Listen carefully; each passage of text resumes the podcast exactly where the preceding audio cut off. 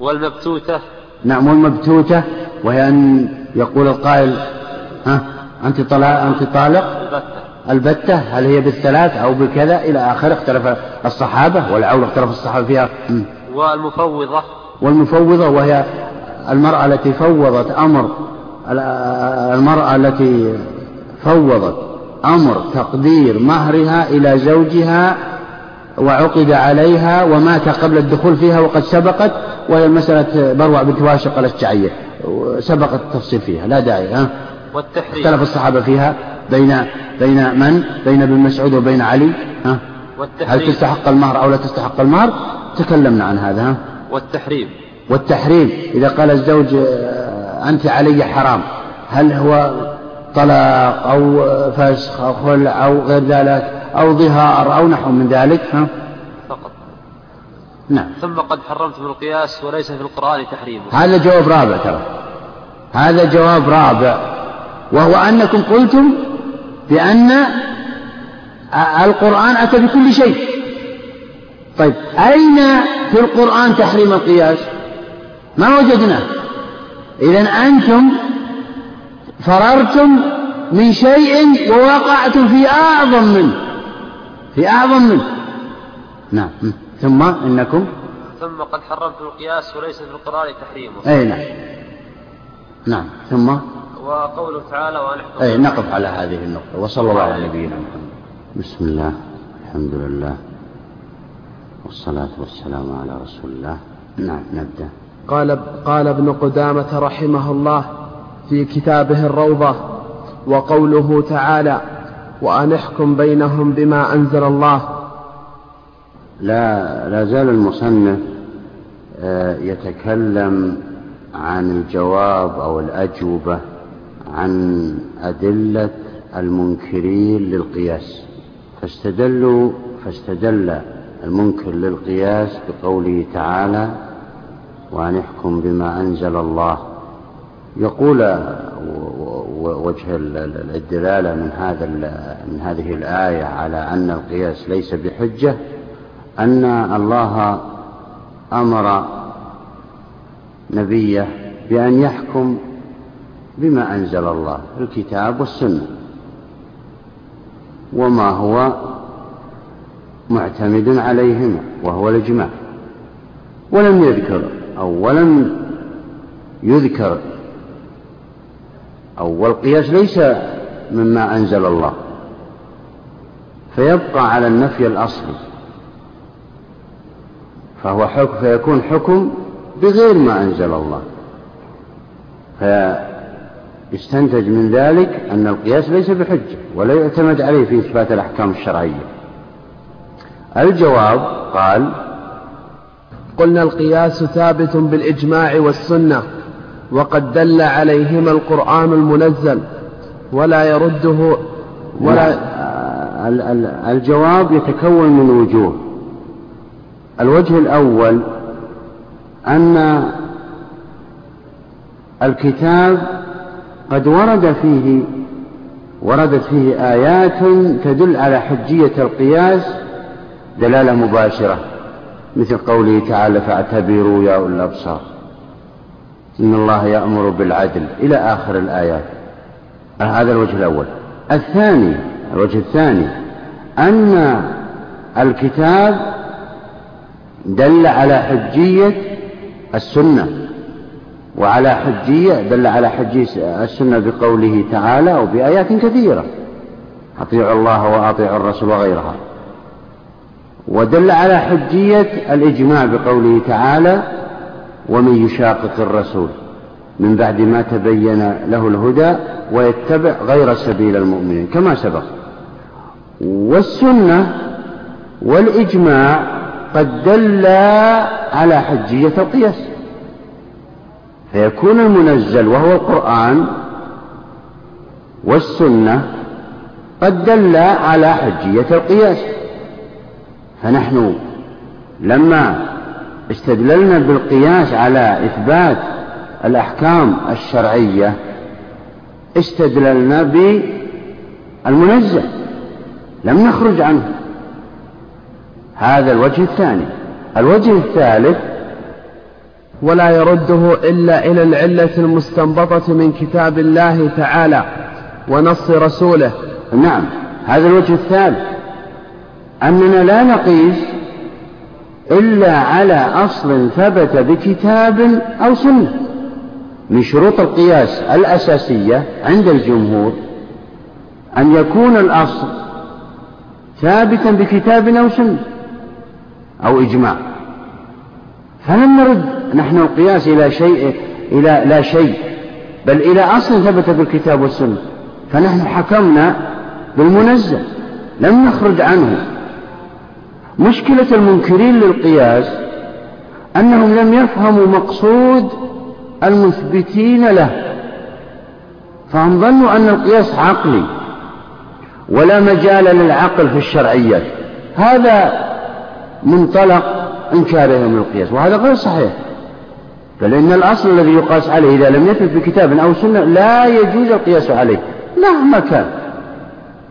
نعم هذا الوجه الثالث ها.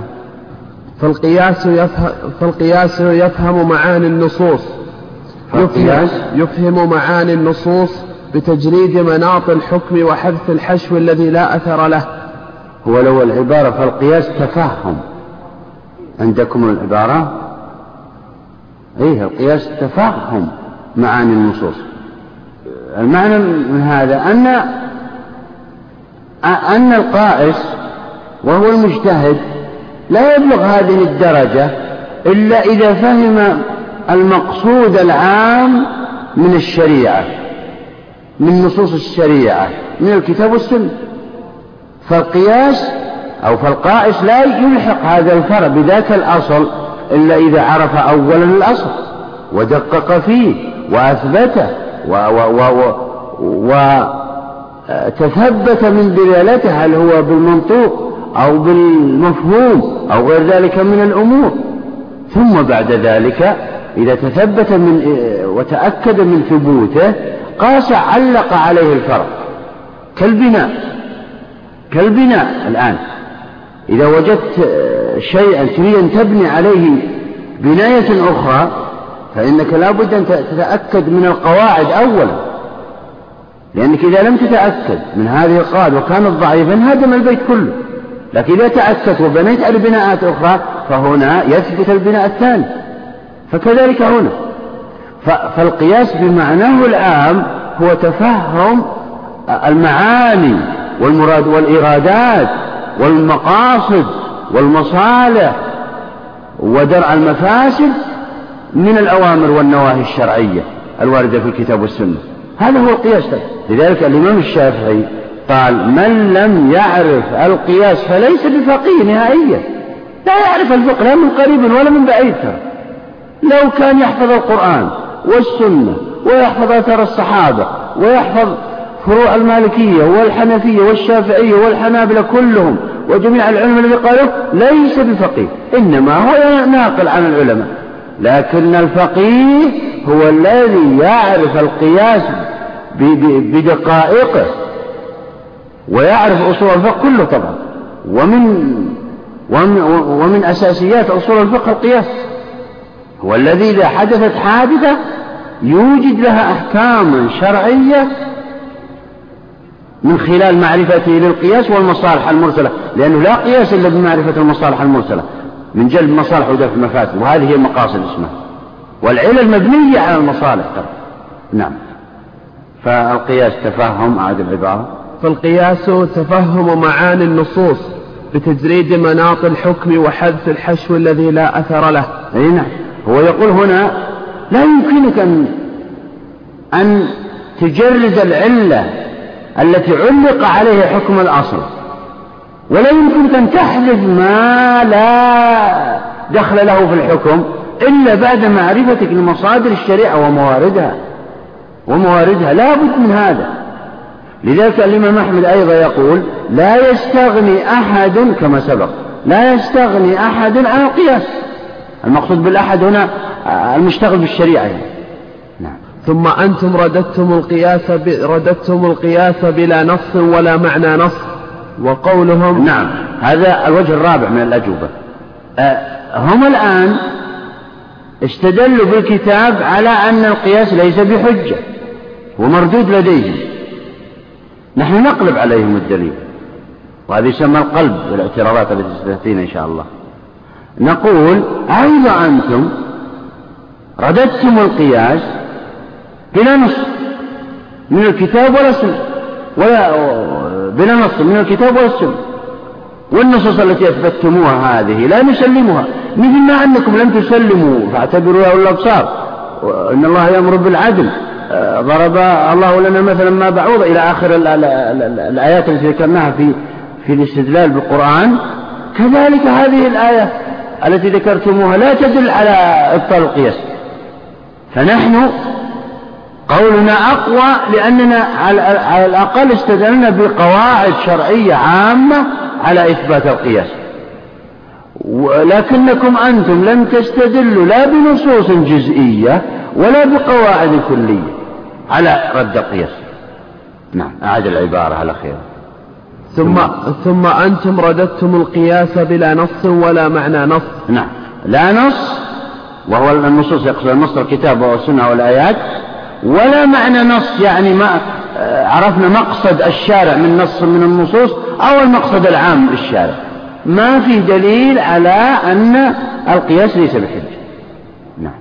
وقولهم كيف ترفعون القواطع بالظنون. بدأ الآن يجيب عن أدلة النظام ومن معه في إنكار القياس. الخمسة هناك الذي سماها المصنف شبه. قال هناك في الدليل هناك نعيد الدليل على أساس نتصور الجواب. إن البراءة إن البراءة الأصلية أثبتت الحكم قطعا. فكيف ترفعون فكيف ترفعون هذا المقطوع بدليل الظن كالقياس؟ لا يقوى الظن على رفع القطعي هذا لا يمكن يقولون. القطعي لا يرفعه إلا قطعي مثله. نعم. ثانيا آه، أذكر الجواب. وكيف؟ أعد الله وقولهم كيف ترفعون القواطع بالظنون. نعم. القواطع يقصد البراءة الأصلية. بالظنون يقصد إيه؟ الأقيسة. لأن القياس لا يثبت إلا حكما ظنيا. هذا قولهم. واضح قولهم الآن؟ الجواب قلنا كما ترفعونه بالظواهر والعموم وخبر الواحد وتحقيق المناط في آحاد الصور. نعم هذا يسمى نقض دليله. يعني بمعنى نأتي النقض هو أن نأتي بشيء هم الخصم يعني يقر به. والذي ينكره مماثل لما أقر به. كما ستأتينا إن شاء الله من الاعتراضات على الأدلة أو القياس.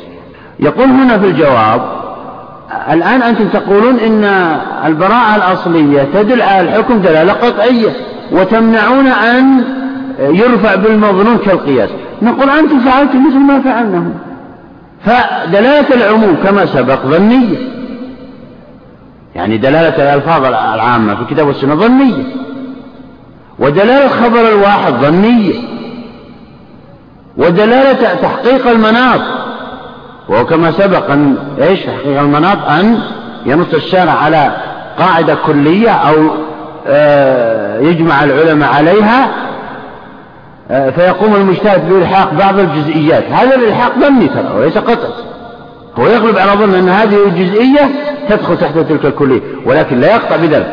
يقول أنتم تفعلون هذا وترفعون البراءة الأصلية في ذلك.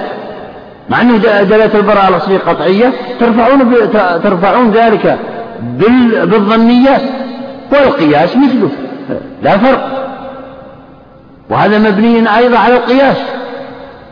نقول كما أنكم عندنا أصل وهو أن تلك المظنونات وهي الظواهر والعموم تحقيق المناط خبر الواحد كلها ما تفيد إلا أحكاما ظنية ترفع البراءة الأصلية وهي القطعي هذا الأصل. الفرع القياس. العلة الجامعة بينهم أن كل من هذه الأدلة ظنية. فكما أن أن تلك الظنيات الأدلة الظنية ترفع المقطوع فكذلك القياس لا فرق. قلنا كما ترفعونه. هو ليس الجواب مبني على ما قلته أخيرا وهو القياس. لأنهم سيقولون أنتم أجبتم بالقياس نحن نرفضه. هو الجواب النقد الأول وهو النقد ننقض عليكم ما فعل أنتم تفعلون بمثل ما ترفعون المقطوع المقطوع وهو دلالة البراءة الأصلية بالظنون وهي تلك الأدلة. فما الفرق بين العام وخبر الواحد وتحقيق المناط وجميع الظواهر وبين القياس؟ من حيث الدلالة يعني من حيث الدلالة. كلها ظنية. نعم. قلنا كما ترفعونه بالظواهر والعموم وخبر الواحد وتحقيق المناط في آحاد الصور. ثم نقول لا نرفعه إلا بقاطع فإنا إذا تعبدنا باتباع العلة المظنونة. نعم. فإنا نقطع بوجود الظن ونقطع بوجود الحكم عند الظن فيكون قاطعا. هذا الجواب الثاني على الشبهة الأولى أعد العبارة. ثم نقول لا نرفعه إلا بقاطع فإنا إذا تعبدنا باتباع العلة المظنونة نعم. فإنا نقطع بوجود الظن ونقطع بوجود بوجود الحكم عند الظن فيكون قاطعا. نعم. يقول المجيب هنا إن المجتهد إذا ألحق هذا الفرع بذاك الأصل فإنه غلب على ظنه أن الفرع مشابه للأصل. من هذه الحيثية وهي, وهي العلة وهي مثلا الإسكار بين النبيذ والخمر أو كون كل واحد منهما مكيلا بين الأرز والبر وغير ذلك من الأمثلة السابقة. المجتهد يغلب على ظنه ذلك وال وإذا غلب على ظنه معناه أنه أنه يوجد الظن عنده قطعا. يوجد الظن عنده قطعا. يعني هذا الغالب مقطوع به. ليس مقطوع بمشابهة الفرع الأصل. لا يقصد المصنف هذا. ولكنه مقطوع بوجود الظن. مقطوع بوجود الظن وهنا فرق بينهما. فإذا قطعنا بوجود الظن وهو وجود ظن أن هذا الفرع يشابه ذلك الأصل معنى ذلك أن القياس الذي قطعنا بوجود ذلك بوجود ظنه رفع ذلك المقطوع وهو هي البراءة الأصلية. فيكون قاطع قد رفع قاطع. إذا لا فرق بين هذا وذاك. على على فرض التنزل. على كلامهم يعني. نعم أعد العبارة. ثم نقول لا نرفعه إلا بقاطع فإنا إذا تعبدنا باتباع العلة المظنونة فإنا نقطع بوجود الظن. إذا تعبدنا ما معنى إذا تعبدنا باتباع العلة المظنونة؟ يعني المجتهد. إذا استقرأ أكثر الأوصاف ثم غلب على ظن أن هذا الوصف يصلح أن يكون علة. فإنه متعبد بين اتبعها يعني بمعنى يأثم إذا تركها ويؤجر إذا أخذها وقاس الفرع بالأصل بسببها يؤجر ويأثم إذا تركها. هذا التعبد اسمه. التعبد هو التقرب إلى الله طمعا بالأجر أو تركه ويتعرض للإثم. هذا كله تعبد. قال أكمل العبارة فإنه فإن فإنا نقطع بوجود الظن ونقطع بوجود الحكم عند الظن فيكون قاطعا. نعم. يعني إذا قطعنا بوجود الظن لا الظن لا الظن ليس بقطع. إنما نقطع بوجود الظن على أن هذا الفرع يشابه ذلك الأصل فإننا بهذا نقطع بالحكم. وهذا طبعا الجواب الأخير ضعيف لا شك. لأنه عبر بتعابير قطعية والقياس لا قطع فيه إنما هو ظن. الجواب الأول أسلم وأصح يعني كون ننقض دليلهم. نعم. وقولهم مبنى الحكم على التعبدات. قلنا نحن لا ننكر التعبدات. نعم. قال هناك إن إنه كيف يعمل بقياس مبني على التعليل في شرع مبني على التحكم. ومعنى التحكم عند هذا القائل أنه فرق بين متماثلات في الحكم وجمع بين مختلفات في الحكم. وذكرنا أمثلة في هذا في الدرس السابق. الجواب قلنا الأحكام ثلاثة أقسام. قسم لا يعلل. وقسم يعلم كونه معللا كالحجر على الصبي لضعف عقله وقس وقسم يتردد فيه ولا نقيس ما لم يقم دليل على كون الحكم معللا. وقولهم الجواب عن هذا هو جواب إجمالي وجواب تفصيلي أما الجواب الإجمالي فهو ما ذكره المصنف هنا. وهو أن الأقسام أن الشرع ينقسم إلى ثلاثة أقسام. من حيث التعليل وعدمه.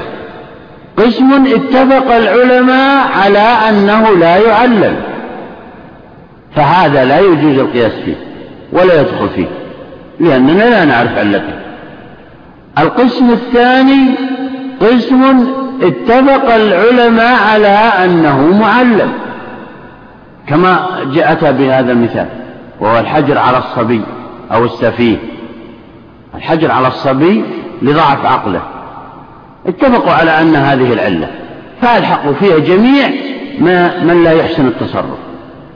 وقسم متردد فيه. يعني اختلف العلماء فيه. بعضهم علله فاستعملوا القياس فيه وبعضهم امتنع وقال انه تعبدي فلم يجز القياس فيه. ثم قال الجمهور نحن لا نقيس إلا إذا تثبتنا أن هناك علة قد ثبتت.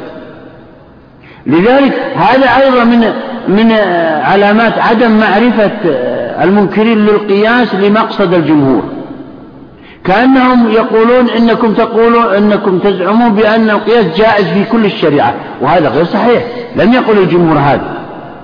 إنه جائز في بعض الشريعة. في الشيء الذي عرفنا علته. لذلك تجدون بعض القائلين بالقياس ينكرون القياس في بعض الأمور مثل الحدود والتعزيرات والقصاص والكفارات. هذا الحنفية ينكرون القياس فيه يقول هذا لا يجوز القياس فيه مع أن الحنفية أوسع الناس في استعمال القياس. ذلك لأنهم يقولون نعجز أن ندرك العلة في هذه الأمور فلا يقال شيء على الإحياء أما الجمهور فقالوا إن أدركنا العلة نقيس. فيها وفي غيرها من الفروع الفقهية. وإن لم ندرك فلا نقيس. قاعدة نعم. أما الجواب التفصيلي فهو الأجوبة عن تلك الفروع التي ذكرها النظام لما قال آه، انظر إلى مسألة الصبي والجارية. يجوز أو يغسل من بول الصبي ويرش من بول الجارية. آه، بالعكس. يغسل من بول آه، يرش من بول الايه أو ينضح من بول الصبي. ويغسل من بول الجارية.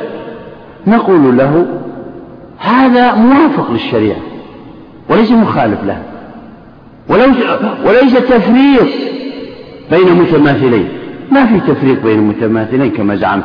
يقول هناك أن الصبي والصبية في إذا كانوا في سن واحد ولا يأكلون الطعام فكيف هذا يرش من بوله وهذا يغسل؟ هذا تفريق بين المتماثلات. فهذه الشريعة التي تفعل هذا لا يجوز فيها القياس. لا تعلل يعني قصده. نقول هذا هو هو حقيقة حقيقة الحكم فيه. فلم يفرق بين متماثلين هنا. لأن يقولون لأن الصبي الأصل أن يغسل من بوله هذا الأصل. ولكن الشارع رخص لنا في الرش والنضح فقط رفعا للحرج عن الرجال لأن كان العرب يحملون صبيانهم معهم ولا يخلو الأمر من أنهم يخرجون بولهم عليهم فرفع الحرج عن ذلك بأن يغسل ثوبه وهو خارج المنزل. أما الصبية فهي عادة تكون في البيت فليس فيه حرج ولا مشقة. مثل مسألة الكلب وال والهرة. الكلب يغسل الإناء. إذا ولغ فيه سبع مرات أما الهرة فإنها لا يغسل سؤر الهرة طاهر. مع أنها يغلب على ظننا أنها تأكل النجاسات لماذا؟ رفعا للحرج. إذ كان العرب يجلبون الماء حتى الآن طبعا في بعض المناطق من بعيد ليستعملونه في الليل. فإذا جاءت هذه الأرض وشربت منه وأهرقوه يلحقهم مشقة.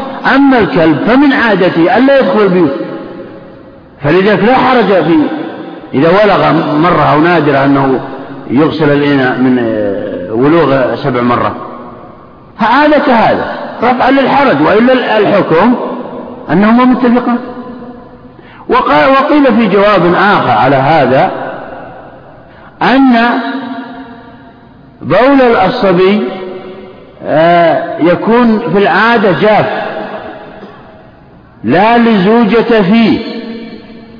فيذهب بمجرد النضح والرش. أما بول الجارية فهو لزج ويلصق بالثوب نظرا لمجاولة نظرا لمجاورة المثانة لمكان الحيض عندها. طبعا الصغيرة لا شك أنها لا تحيض لكن تستعد لهذا يقولون. يقولون تترطب المثانة القريبة من إخراج البول بهذه المجاورة لذلك الرحم.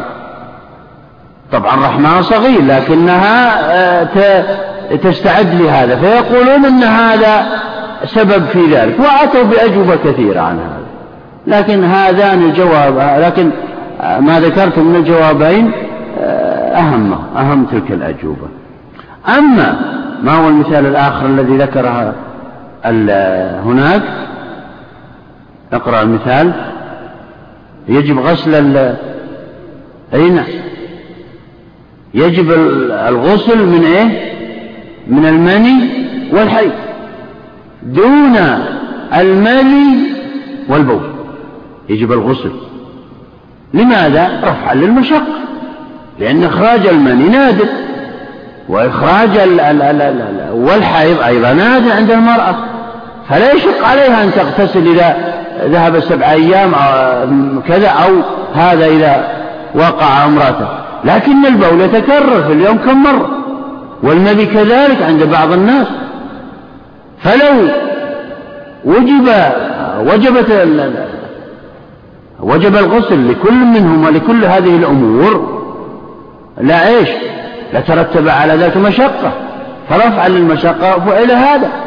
وهذا الذي رجح عندي الجواب الأول عن القضية الأولى وهو أن أن الأصل في بول الصبي وبول الجارية أنه نجسان ولكن رفع للمشقة قياسا على الكلب والهرة فانتبهوا لهذه النقطة. الشارع راعى ظروف الآخرين. لأنه لو شدد عليهم لنفروا من عبادة الله.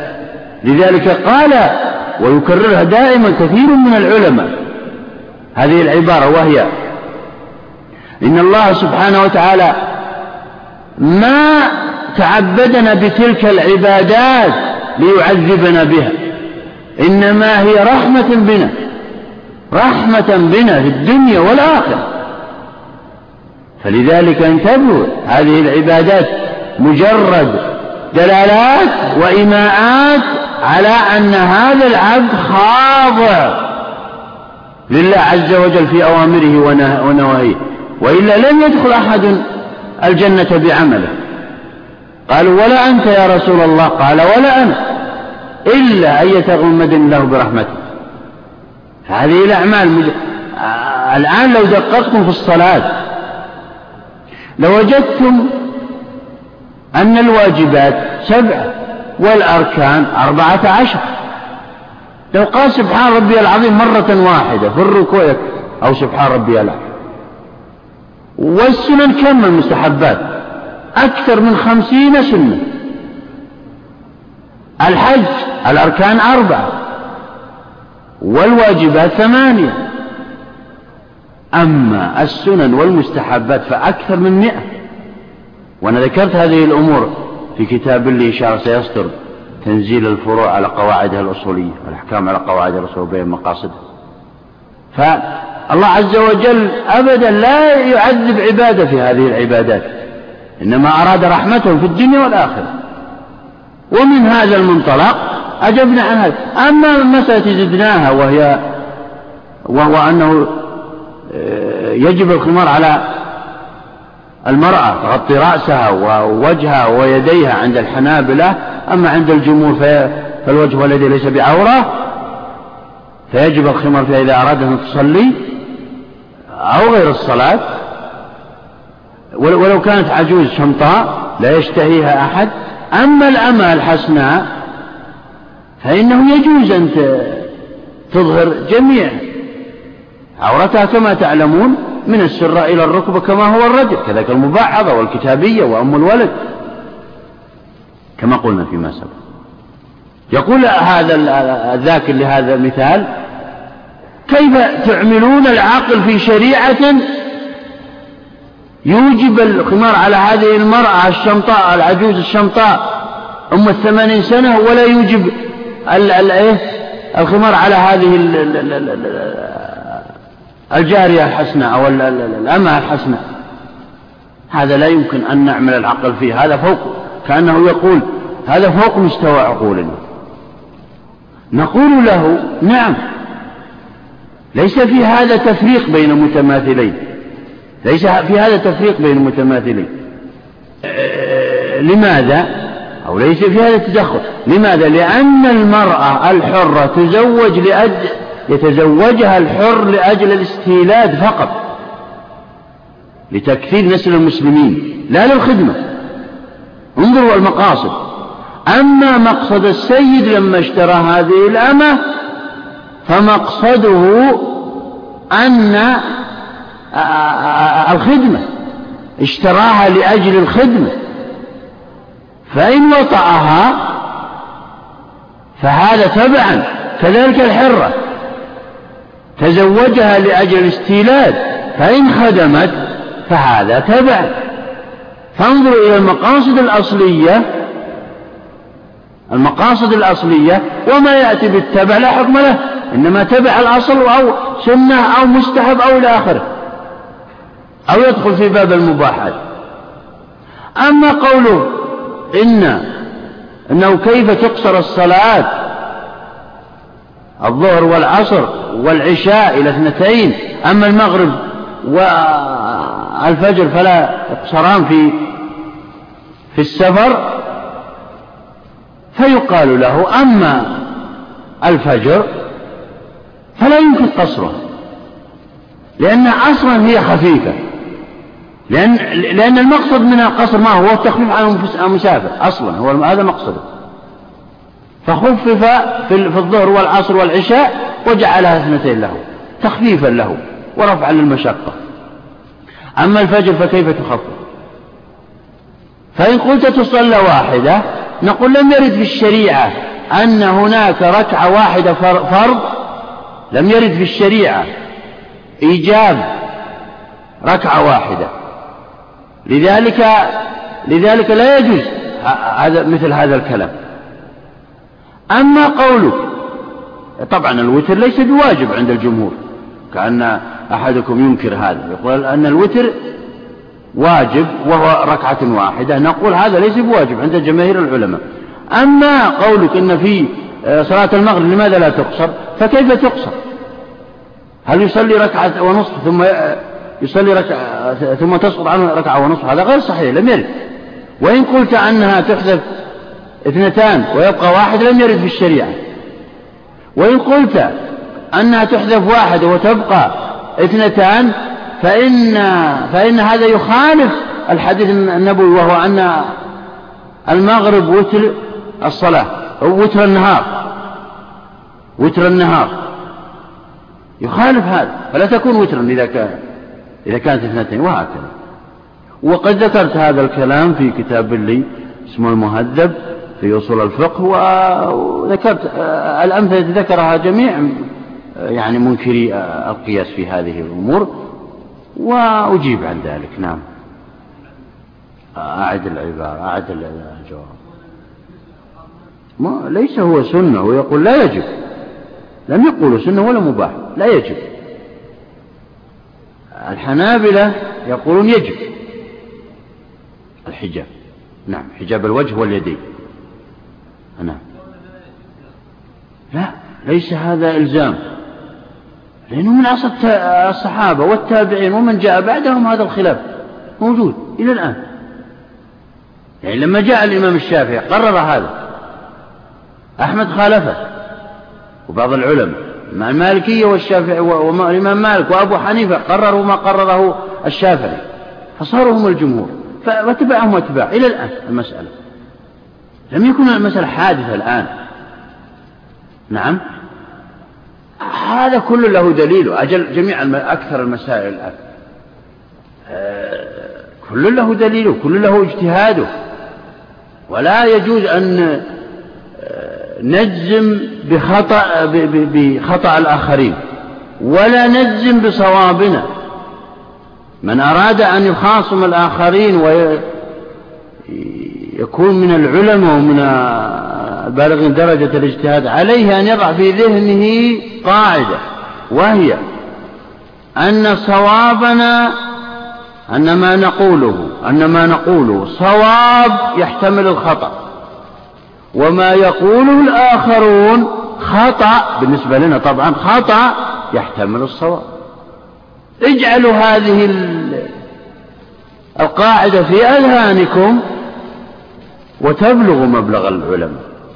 أما أن الواحد يأتي ويخطئ الآخرين قطعا ويصوب نفسه قطعا فهذا ليس بعالم هذا أضاف إلى جهله التخلف العقلي أيضا.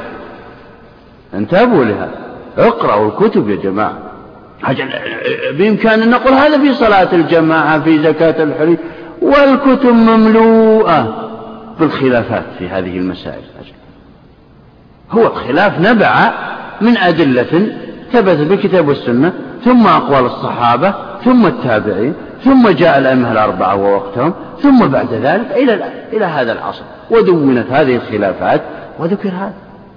لم يكن آه، جميع من سبق كانوا يضعون هذا ثم جاء العصر الحديث وخالفوا هذا مستحيل. إلا إذا كانت مسألة حادثة جديدة الآن ممكن أن يختلف المعاصرون. نعم وقولهم لم لم ينص على المكيل ويغني عن, ويغني عن القياس على الأشياء الستة. قلنا هذا نعم هذا لا لا. قالوا في هذه الشبهة وهي الخامسة الظاهر ولا؟ قالوا في هذه الشبهة إنه لو كان المقصود من حديث عبادة بن الصامت في الأشياء الستة لو كان مقصود أن يقاس عليها ما مثلها ما مثلها وهي الأرز والأقط والتمر وغير ذلك مما ذكر هناك لو كان المقصود أن نقيس الأرز وهي البر نعم هناك وأن نقيس البر على الأرز وأن نقيس الذرة وأن نقيس الأرز على البر كذلك الذرة كذلك الخضروات والفواكه. لو كان المقصود الشرع هذا لما أطال الشارع في ذكر هذه الأشياء الستة ولا قال في عبارة مختصرة حرمت الربا في كل مكين أو في كل موجود وهذا هو الموافق والملائم لما أعطي لما لصفة, لصفة النبي صلى الله عليه وسلم وهو أنه أعطي جوامع الكلم وهو أن يأتي بالكلام القليل الذي يكون تحته معاني كثيرة. هذا كلامه. إذا لا يجوز القياس عليها. لا يجوز الترابي فيها لكن يجوز الترابي في غيرها. الجواب قال قلنا هذا تحكم على الله تعالى وعلى رسوله.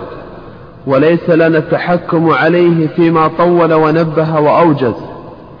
ولو جاز ذلك لجاز أن يقال فلم لم يصرح بمنع القياس على الأشياء الستة؟ ولم لم يبين الأحكام كلها في القرآن وفي المتواتر لينحسم الاحتمال؟ وهذا كله غير جائز. ثم نقول نعم. الجواب الأول أن هذا الدليل مخالف العقيدة. هذا الدليل لكم مخالف العقيدة وهو أنكم تحكمتم على الله. يعني كأنهم يقولون لما الشارع لم يفعل كذا لأجل كذا ولماذا فعل كذا لأجل كذا؟ هذا لا يجوز في الشريعة. هذا أولا. إذ لو فتحنا الباب في هذه الطريقة لمن غلق الباب إلا بالكفر. بكفر القائل يعني. لا أطال لماذا أطال في بعض القصص في في القرآن؟ لماذا أشار إلى بعض القصص مجرد إشارة؟ لماذا صلاة الظهر تكون في هذا الوقت؟ لماذا صلاة العصر في هذا؟ وهكذا. لا تنتهي. فلذلك لا يجوز مثل هذا السؤال. عقيدة. أعد العبارة. قلنا. قلنا هذا تحكم على الله تعالى وعلى رسوله نعم. وليس لنا التحكم عليه فيما طول ونبه وأوجز نعم. ولو جاز ذلك لجاز أن يقال فلم لم يصرح بمنع القياس على الأشياء الستة ولم لم يبين الأحكام كلها في القرآن وفي المتواتر لينحسم الاحتمال يعني جاء جاءنا سائل وقال لماذا لم يأتي الشارع بالأحكام قطعية كأنها قوانين منظمة. لماذا جعل العلماء يختلفون في دلالة آية في دلالة حديث وهذا الخلاف الكثير الموجود في المجلدات الفقهية؟ هذا سؤال ممكن يقوله قائل لكن لا يجوز لكن لا يجوز مثل هذه الأسئلة لأن الله له مقاصد فيما يفعل لا يسأل عما يفعل لا يسأل عما يفعل. ها نعم. وهذا كله غير جائز. عقيدة طبعا ثم نقول إن هذا الله الجواب الثاني. على فرض التنزل يعني. على فرض التنزل والتغاضي عن كلامهم هذا ها؟ ثم نقول إن الله تعالى علم لطفا في تعبد في تعبد العلماء بالاجتهاد وأمر بالتشمير في استنباط دواعي الاجتهاد. ليرفع الله الذين آمنوا منكم والذين أوتوا العلم درجات. وقولهم نعم.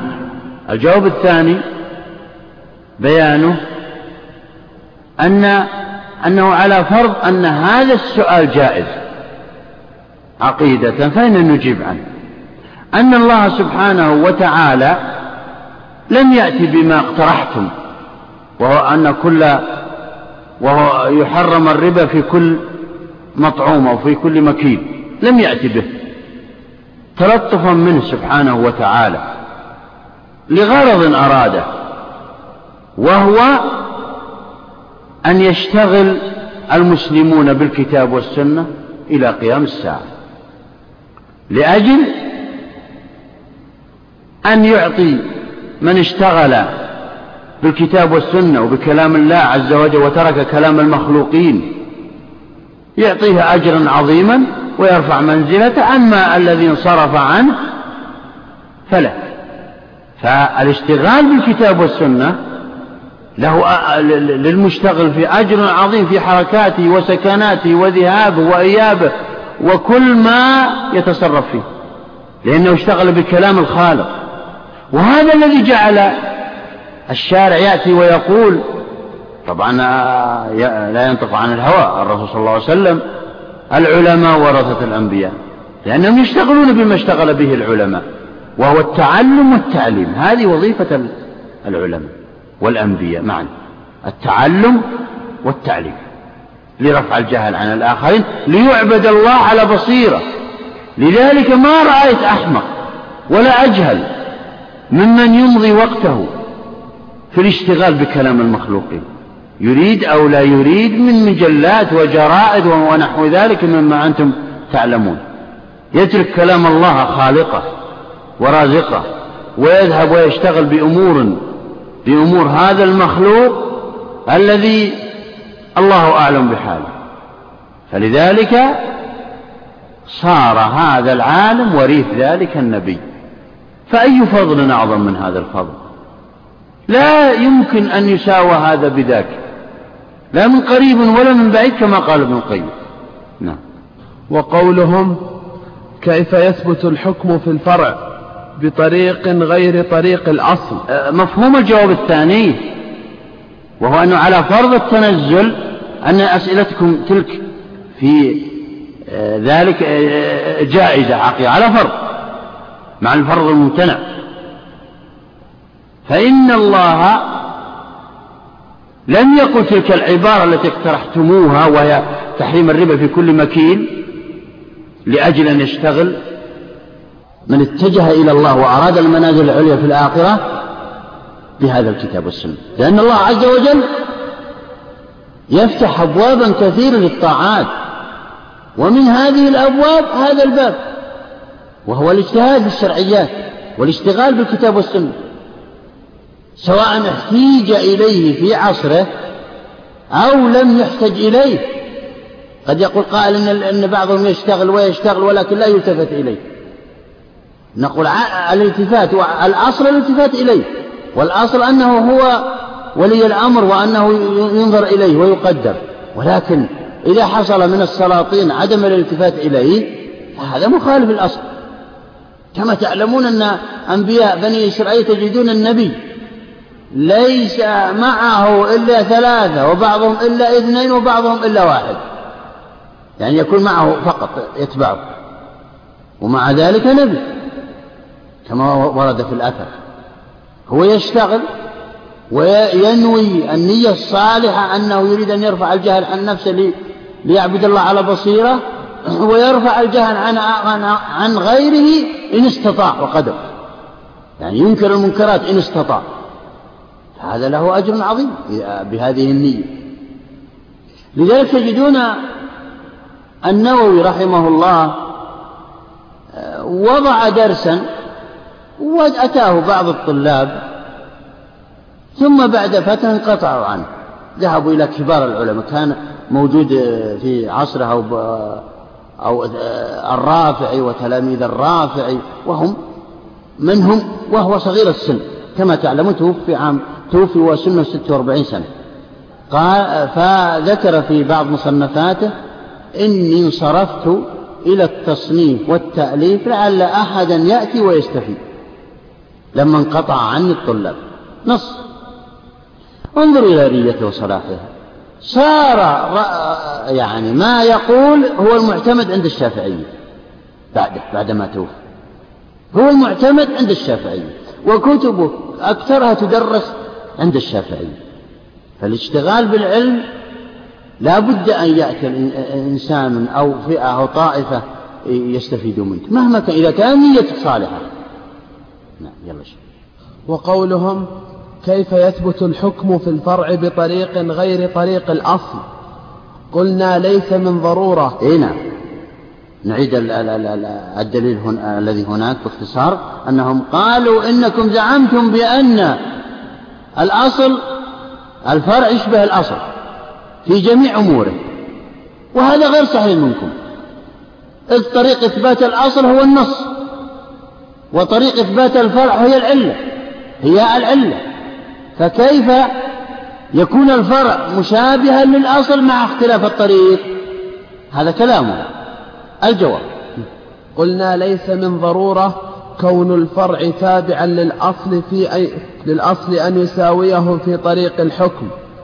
فإن الضروريات والمحسوسات أصل النظريات ولا يلزم تساويه تساويهما في الطريق وإن تساويا في الحكم. نعم. الجواب هذا مفاده. أن الجمهور يقولون إنه أصلا في تمهيد الجواب أصلا لو تساوى طريق إثبات الأصل مع طريق إثبات الفرع. ما كان هذا فرعا لذاك أصلا. لأن ذاك أصلا ثبت بالنص من الكتاب والسنة والإجماع. وهذا لم يثبت بشيء. أصلا يبدو لي والله أعلم أن القائل لهذه الشبهة لم يفهم مقصد الجمهور. هو لو كان طريق إثبات الأصل الفرع هو نفسه أو مثل طريق إثبات الأصل ما صار هناك فرع ولا أصل كلها أصول تكون. هذا واحد. الثاني أن اختلاف الطريق لا يمنع من اتحاد الحكم. فمثلا في المحسوسات شخص لمس الثلج. مس الثلج بيده وقال لما مس قال الثلج بارد. كتب هذه العبارة. شخص آخر قرأ هذه الكتابة ما مس شيء. قال الثلج بارد. كل واحد حكم بأن الثلج بارد. ذاك حكمه مقطوع به وهو إيش؟ وهو أنه لمسه الأول. والثاني حكمه عن طريق الظن وهو أنه منقول إليه. وكلاهما صحيح. فاختلاف الطريق آه، يجعل أو لا يخالف في الحكم بل يت... آه، آه، بسببه يتحد الحكم. مثل الآن شخص ذهب إلى الهند وأتانا وقال نظرت أنا الهند وفيها كذا وكذا. الشخص السامع أو المكتوب له قرأه في كتاب يتثبت عنده بلد يسمى الهند كلهم حكم بهذا. لكن الأول قطعي لأنه رآه. الثاني ظني لأنه قرأ وغلب على ظنه فقط. وهكذا في كل الحواس. فاختلاف الطريق لا يلزم منه اختلاف الحكم. بل يتفق الحكم مع اختلاف الطريق. فكذلك هنا. كون الفرع ثابت عن طريق العلة والأصل ثابت عن طريق النص لا يلزم منه اختلاف في الحكم بل يتحد الحكم. لا مانع من ذلك. لكن الخلاف أن الأصل ثبت قطعا والفرع ثبت ظنا لأن العلة مظنونة أصلا. واضح الكلام؟ نعم. وأما إذا قال اعتقت سالما لسوادة فالفرق بينه وبين أحكام الشرع. إي نعم نعيد الشبهة على أساس لا آه، يكون الجواب قريب. هو يقول هناك يقول المستدل على إنكار القياس ما هي أيها الجمهور العلة القوية عندكم؟ فقالوا أن أقوى علة عندنا هي العلة المنصوص عليها. فقال ومع أنها منصوص عليها لا تقوى على إلحاق الفرع بالأصل. فمثال لو قال السيد أعتقت من عبيدي سالما لأنه أسود لاحظوا العلة منصوص عليه لأنه أسود فإنه لا يجوز للسامع أو وكيله أو أي يعني موجود عنده أن يعتق جميع السود مع أن العلة منصوص عليه. يقول فكذلك الشارع.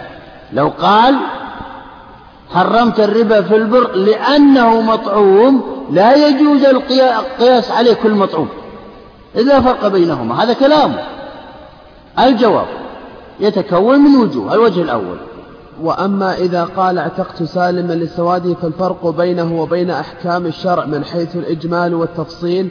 أما الإجمال فإنه لو قال مع هذا فقيسوا عليه كل أسود لم لم يتعدى العتق لم يتعدى العتق سالما. ولو قال الشارع حرمت الخمر لشدتها فقيسوا عليها كل مشتد للزمت التسوية. فكيف يقاس أحدهما على الآخر؟ مع الاعتراف بالفرق. نعم. هو الآن المجيب يقول نحن معك هذا الكلام ولا يمكن أن نخالفك بل نزيده. لو قال السيد أعتقد سالما لأنه أسود ثم أضاف عبارة أيضا فقيسوا عليه كل أسود. فإنه لا يجوز للسامع أن يعتق السود. عنه. أما لو قال الشارع حرمت الربا أو, أو, نقول حرمت الخمرة لشدتها فإنه يقاس علي كل مشتد. أه لذلك فرق بين كلام الآدميين وبين كلام الشارع. فكلام الآدميين لا يقاس عليه قاعدة. لو عللوا لا بد من التصريح بأن تعتق سالم وغانم ومحمد وكذا وكذا وكذا.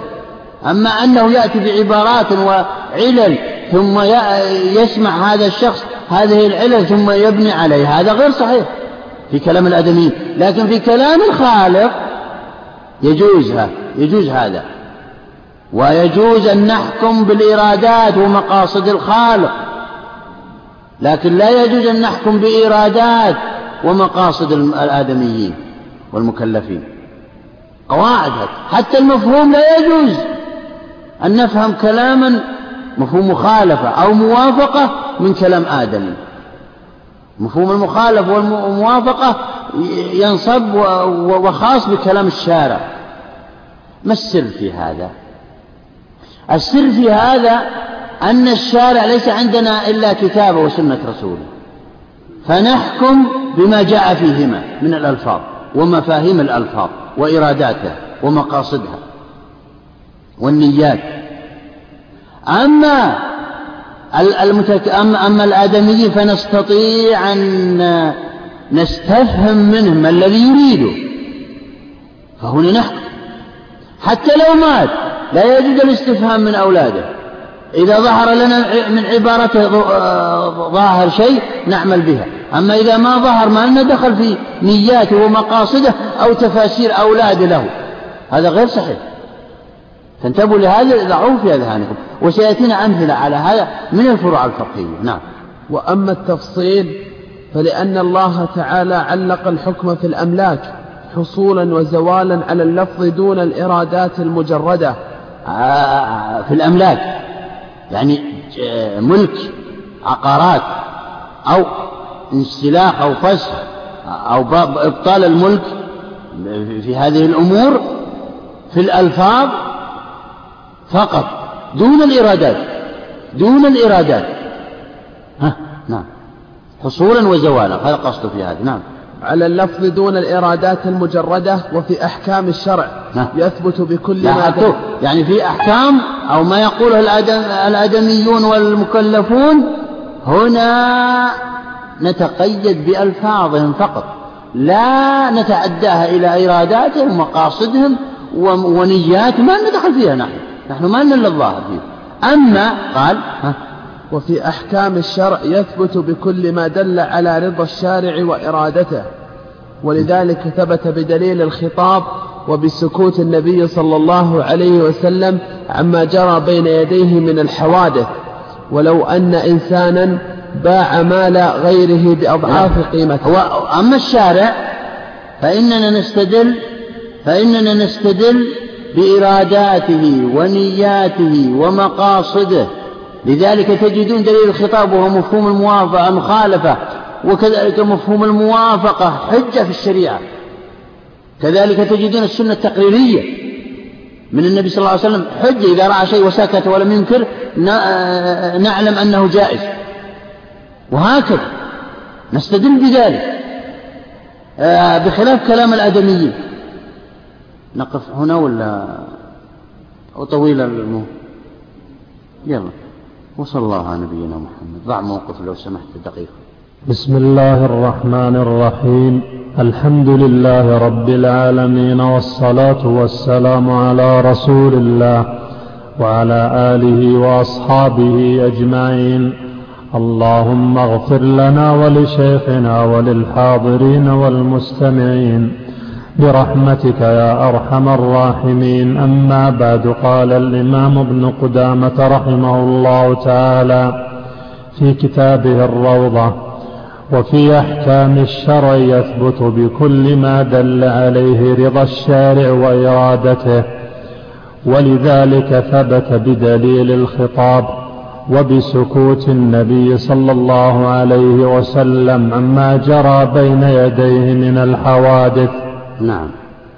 لا زلنا في الجواب عن الشبهة الخامسة من شبه المنكرين للقياس وهذه الشبهة مفادها أنه قال المنكر للقياس إن إن أقوى علة عندكم هي العلة المنصوص عليها ومع ذلك لا تقوى على إلحاق الفرع بالأصل. فلو قال السيد لوكيله اعتق سالما لسواده فإنه لا يجوز للوكيل أن يعتق كل أسود. فلا يعتق إلا سالم. قالوا فكذلك إذا قال الشارع إذا إيه آه، فكذلك إذا قال الشارع آه، حرمت الربا في البر لكونه مطعوما فلا يجوز أن يقاس عليه كل مطعوم بل إن التحريم يقتصر على الربا في البر. كأنهم يسألون ويقولون لماذا فرقتم بين كلام المكلفين وكلام المخلوقين وبين كلام الشارع؟ الجواب قال المصنف هنا إنه يتكون من جانبين جانب إجمالي وجانب تفصيلي. أما الجانب الإجمالي فقد ذكرناه. وهو أن أن القائلين بالقياس قالوا كذلك نزيدكم أيضا لو قال السيد لوكيله اعتق سالما لسواده واعتق كل أسود فإنه لا يجوز الوكيل إلا أن يعتق سالما لاحظتوا؟ أما الشارع فلو قال حرمت الربا في البر لكونه مكيلا أو مطعوما فإنه يجوز أن نقيس عليه كل مطعوم ولو لم يصرح بالعلة ومع الفرق بين كلام المخلوقين وبين كلام الخالق لا يصح القياس. هذا الجواب الإجمالي.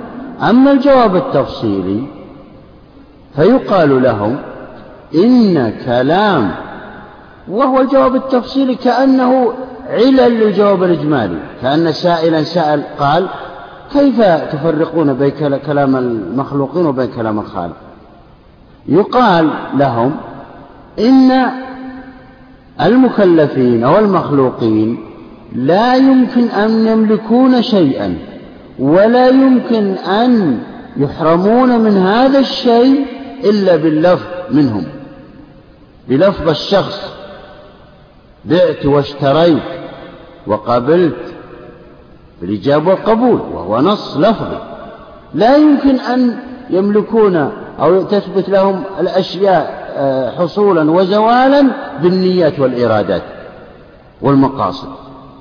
أما الشارع فتثبت الأحكام عن طريقه بألفاظه الكتاب والسنة وبمقاصده وإراداته التي يبينها المجتهد. فانظروا مثلا إلى دليل الخطاب وهو مفهوم المخالفة.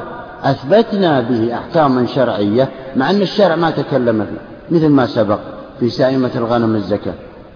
دلتنا هذه العبارة على أن المألوف لا زكاة فيها وهكذا. كذلك السنة التقريرية. تثبت أحكاما شرعية مع أنه سكوت. أعيد العبارة وأما الشارع. وفي أحكام الشرع يثبت بكل ما دل عليه رضا الشارع وإرادته. ما دل عليه رضا الشارع. يعني بمعنى سكوت الشارع عن عن الإنكار يدل على أن هذا مشروع. مثل السنة التقريرية. ولاحظ ترى سمى هنا أو قال الشارع. ومثل بالنبي صلى الله عليه وسلم. النبي ليس بشارع وإنما هو ناقل للشرع. الشارع هو الله. نعم. ولكن تطلق عليه شارعا لأنه الناقل الوحيد لهذا الوحي فلذلك يطلق عليه مجازا. نعم. ولذلك ثبت بدليل الخطاب وبسكوت النبي صلى الله عليه وسلم. وهي السنة التقريرية ودليل الخطاب هو مفهوم المخالفة. نعم. عما جرى بين يديه من الحوادث ولو أن إنسانا باع مال غيره. هذا هذا وجه من الجواب. الوجه الثاني قال ولو إنكم أجمعتم معنا في الفروع الفقهية على أمور أقررتم أنتم بها ومع ذلك خالفتموها في قاعدتكم.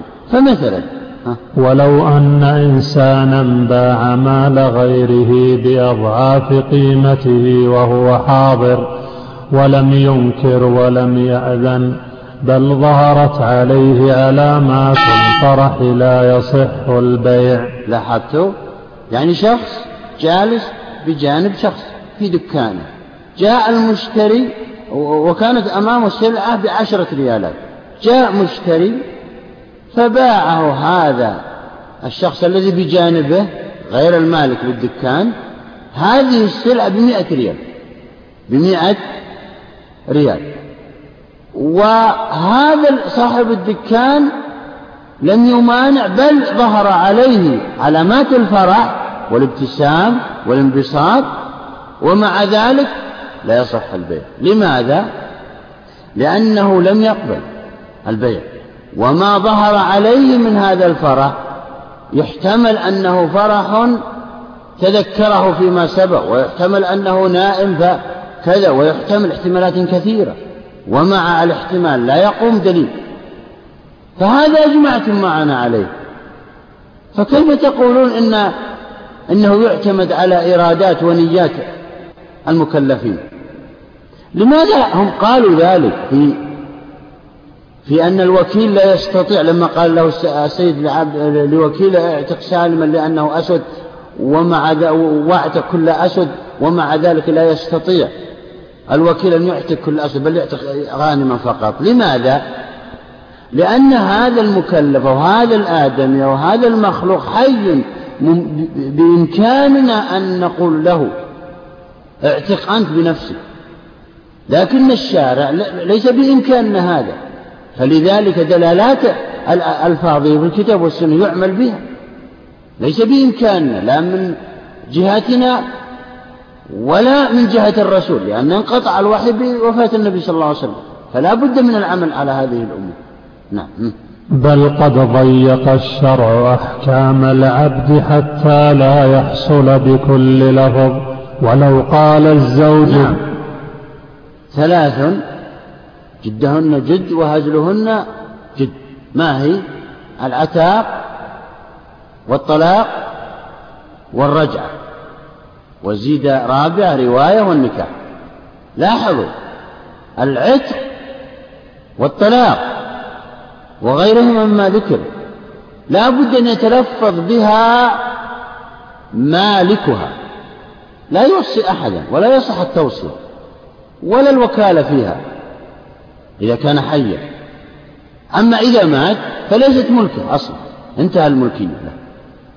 انظر المثال هذا الذي أجمعوا معنا عليه. الآخر قال ولو قال الزوج ولو قال الزوج فسخت النكاح ورفعت علاقة الحل بيني وبين زوجتي. لم يقع الطلاق إلا أن ينويه. نعم. لو قال هذه العبارات المفهمة قطعا في الطلاق. لا يقع الطلاق لأنه معلق باللفظ إلا إذا نواه هو. يعني لا بد من نية تقوي هذا اللفظ المجازي للطلاق أو الكنايات.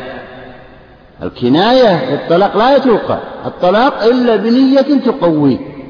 أما لو قال ها وإذا أتى بلفظ الطلاق وقع وإن لم ينوه. إذا أتى بلفظة الطلاق وقع لأنه وجد سببه فيجب أن يوجد المسبب وهو الحكم.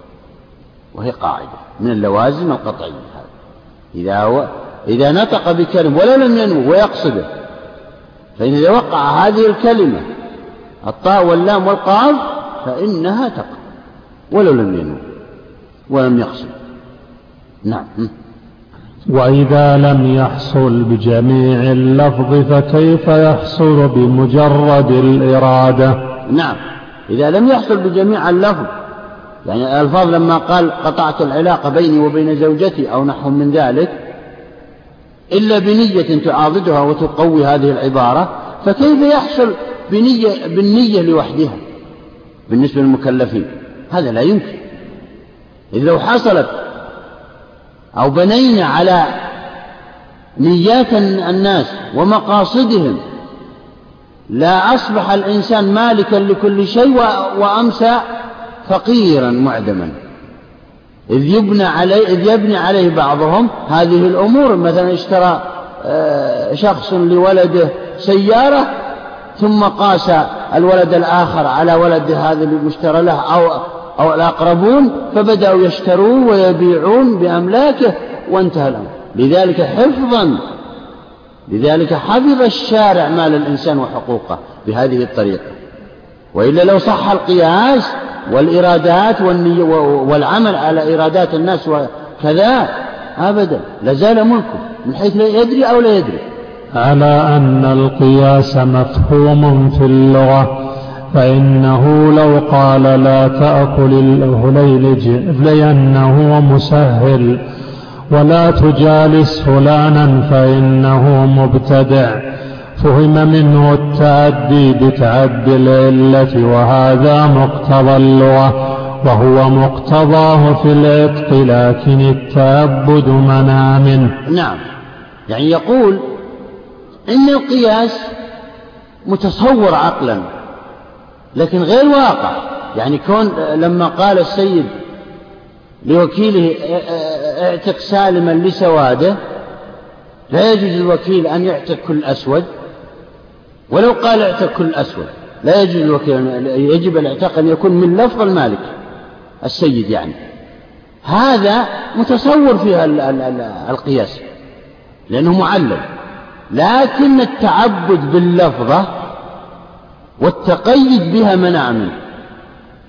يعني اللغة تقتضيه مثل لو قال لا تأكل الإهليلج لأنه مسهل. الإهليلج دواء معروف يعطى الإنسان إذا أصبح إذا أراد إخراج ما في بطنه فإنه لا فإنه هذا يقتضي في اللغة أن لا يأكل كل مسهل. كذلك لا تجالس فلانا لأنه مبتدئ. هذا يقتضي في اللغة ألا تجالس أي مبتدئ. هذا وارد. ويصح القياس في لفظة المكلفين لأنها نصائح وإرشادات وليس فيها حقوق. لاحظوا هذه العبارة. الشارع ما منع المكلفين من أن تقاس على نياتهم ومقاصدهم وإلى آخره إلا حفظا لأملاكهم لحقوقهم. أما النصائح والإرشادات فأخذها من الشارع واستفادها منه. فيجوز أن يقاس عليه. لذلك لما قال سيد الوكيل اعتق سالما لكونه لأنه أسود يجوز للوكيل أن يعتق كل أسود قياسا على هذه العبارات السابقة لغة. ولكن التعبد اللغوي والتلفظ بهذا منع منه. الشارع منعه أن يعتق. حفظا لحقوق الآدمي وعلى أن هذا الذي ذكروه قياس لكلام الشارع على كلام المكلفين. هذا, هذا الجواب الثالث فيها في على هذه الشبهة.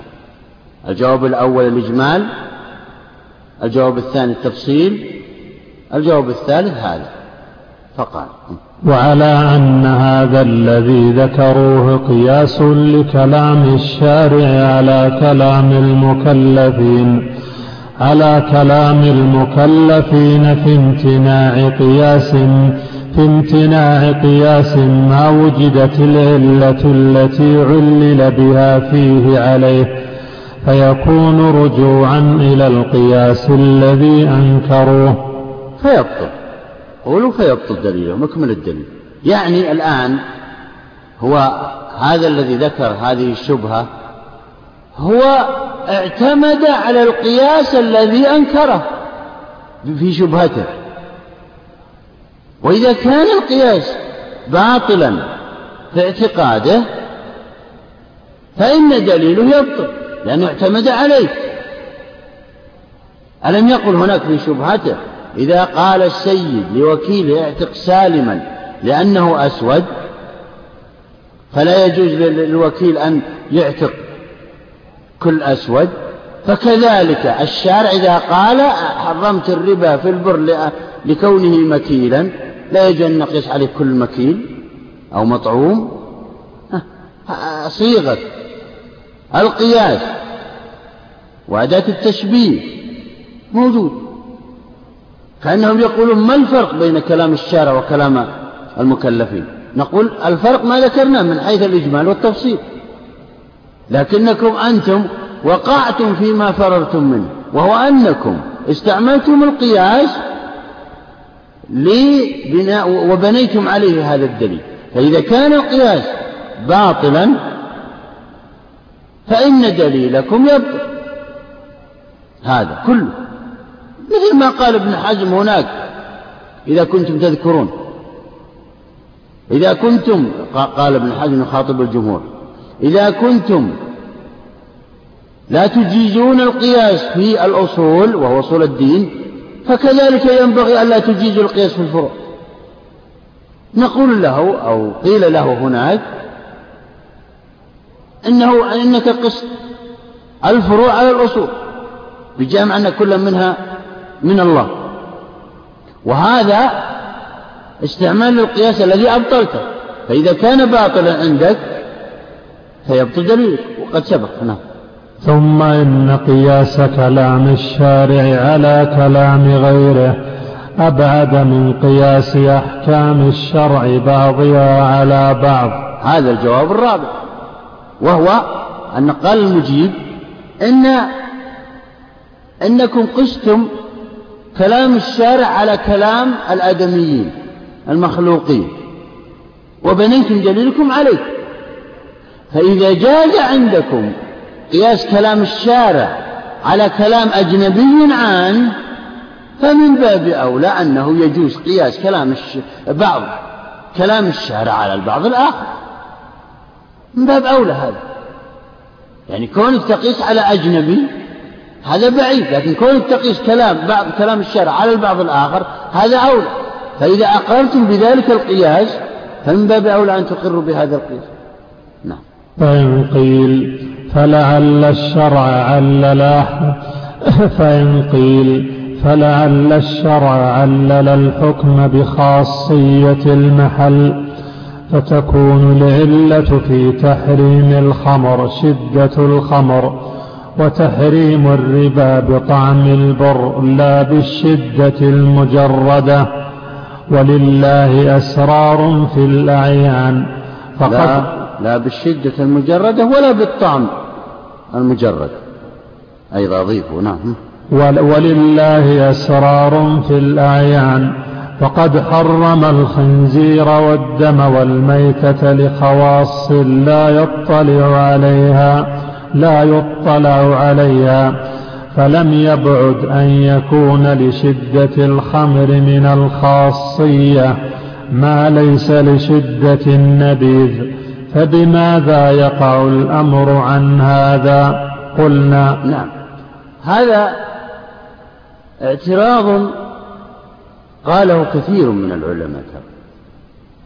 آه مفاد هذا الاعتراض أن المعترض يقول هنا إنكم قستم أن بدعة الخمر وهذا القياس لا يصح لأن الله عز وجل حرم الخمر بالذات. فلماذا لم يحرم كل مسكر؟ لماذا لم ينص على أن كل مسكر حرام؟ إلا لأن الخمر فيه خاصية لا تكون في غيره. لا تكون في غيره. فلماذا حملتم النصوص أكثر من طاقتها وأضفتم إليها جزئيات لا تدخل فيها؟ مع أن الشارع يستطيع أن يعمم الحكم ومع ذلك لم يعممه كذلك البر وهذا كلام ابن حزم بالنص كذلك البر. لعله يكون في طعمه وفي تحريم الربا فيه خاصية لا تكون في الأرز ولا في الذرة ولا في الخضروات والفواكه. مثل ما أن الشارع حرم الخنزير بالذات بعينه. مع أن كثير من الحيوانات تشابهه. فلم يقل أحد أنه يقاس حيوان على خنزير في تحريم أكله. حتى الأسود حتى النمور حتى مما يشابهه. ما قال أحد أن يقاس على الخنزير هذا في فينبغي ألا نأكل لحمه لماذا فرقتم بين الخنزير وقلتم أنه له تحريم خاص وبين الخمر وقلتم أنه ليس بخاص بل هو عام لما, لما بل هو عام لكل مسكر فيقاس عليه. هذا تفريق بين متماثلين. كذلك الميتة. حرمت ولم تقيسوا عليها ميتات أخرى كالجرد والسمك أو بعض الأشياء التي قد يظهر منها رائحة ومع ذلك تؤكل. لأن العرب يقولون أن الميتة تعافه النفوس. فبعض الحيوانات يمكن يظهر له رائحة منتنة كرائحة الميت. قالوا هذا الكلام ووسع الكلام ابن حزم في هذا الموضوع. فلماذا أنتم هناك عممتم الحكم قياسا وهنا خصصتم. أعد الاعتراض مرة أخرى فإن قيل فلعل الشرع علل الحكم بخاصية المحل. بخاصية المحل يعني المحرم. يعني خاصية فيه لا تكون في غيره. ها؟ نعم. فتكون العلة في تحريم الخمر شدة الخمر. نعم شدة الشدة بذاتها. والشدة ما هي؟ عرفها العلماء بظهور رائحة وزبد وصوت هذه الشدة تسمى. يعني بمعنى علامة من علامات أن هذا المشروب يسكر فلذلك وضع الفقهاء هذا لا يأتي فقيه ويقول سأجرب هذا. ثم إذا انتهيت أنهاكم عنه. هذه مشكلة. لكن صار وضعوا أوصاف لهذا الشيء. حتى يتجنبه الإنسان. نعم. تجدون له إذا وجد في مكان حار له زبد له انتفاخ وصوت ورائحة يعرفها أهل الفن وأهل الصنف. نعم. وتحريم الربا بطعم بطعم البر لا بالشدة المجردة. آه، بطعم البر. يعني آه، يعني الطعم نفسه. لأجل هذا الطعم حرمت الربا في البر. وعلل ابن حزم تعليلات أخرى وقال لكون البر غذاء ضروري للإنسان ولا يستغني عنه أحد الفقراء والأغنياء لذلك حرم الترابي فيه. أما الخضروات والفواكه وغيرها ممن كذا من يريد أن يفكه نفسه فيتحمل الربا فيه الزيادة يعني. نعم. ولله أسرار في الأعيان. فقد حرم الخنزير والدم والميتة لخواص لا يطلع عليها. فلم يبعد أن يكون لشدة الخمر من الخاصية. ما ليس لشدة النبيذ. فبماذا يقع الأمر عن هذا؟ يعني آه، يقصد كيف فرقتم بين تحريم الخنزير والدم والميتة وقلتم أنه في خاصية وسر من أسرار الله عز وجل في هذه الثلاثة ولم تقيسوا ما يشابهها عليها بينما الشارع حرم الخمر وقستم ما يشابهه عليه. هذا تفريق بين متماثلين وهذا لا يجوز في الشريعة. وهذا فيه آه، وهذا الاعتراض فيه من كلام ابن حزم وفيه من كلام النظام. فيما سبق. نعم.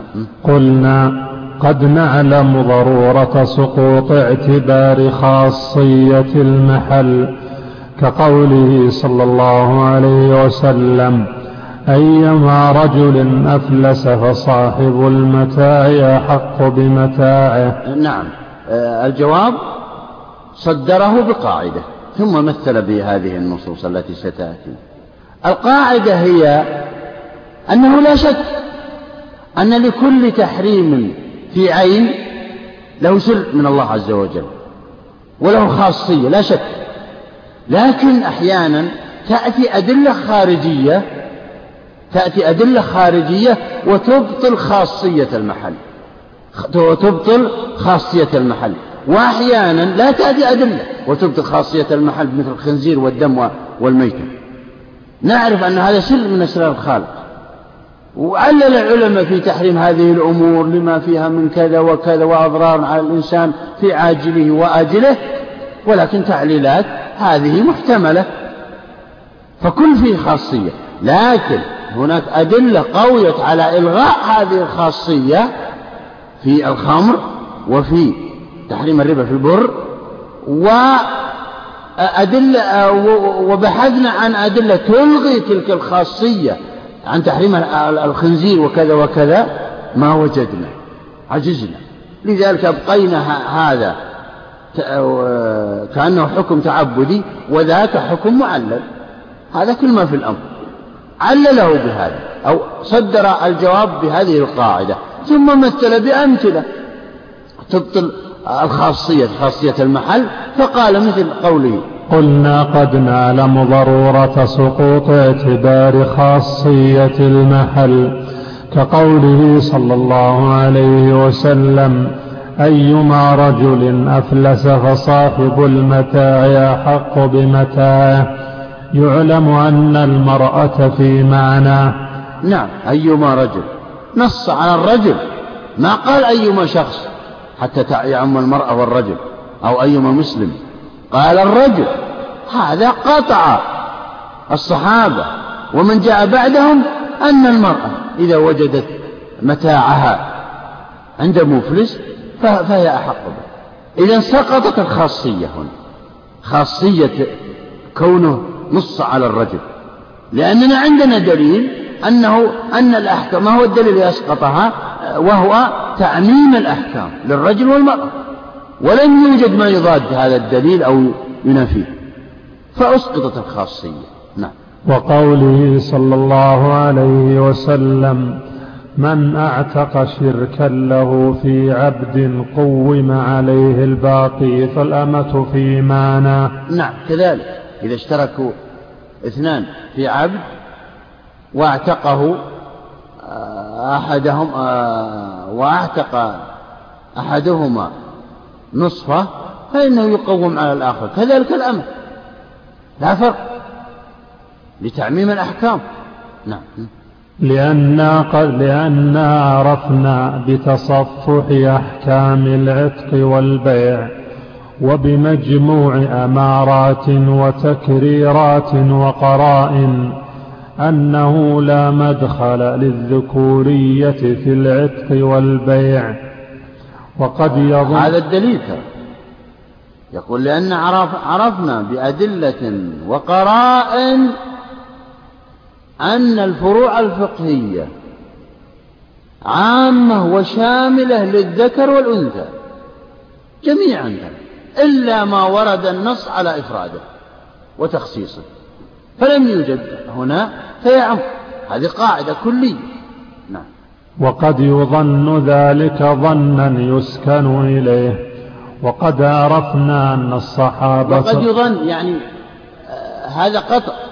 لكن قد يقول قائل أنه هذا يقع ظن أن المرأة كالرجل في هذه الأحكام. والظن الغالب يجب العمل به كما يجب العمل بالقطع. ما هو دليل وجوب العمل بالظن كما وجب العمل بالقطع؟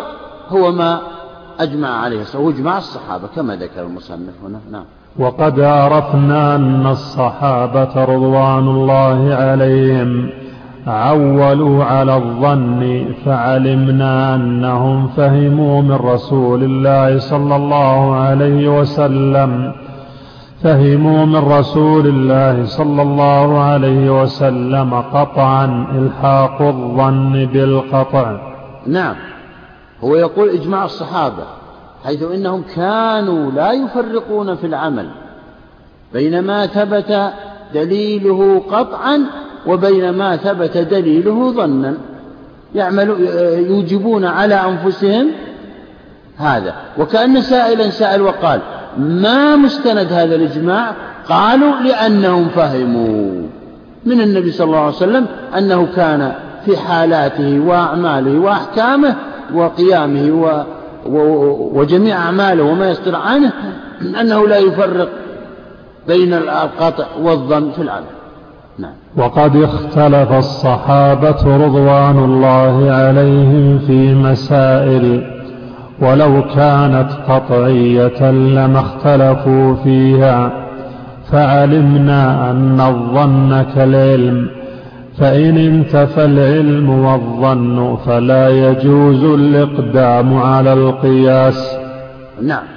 بمعنى أننا نعمل يعني وجدت أدلة دلت على انتفاء خاصية المحل فيما ذكرناه من الخمر والبر وأن يقاس عليهما ما يشابههما.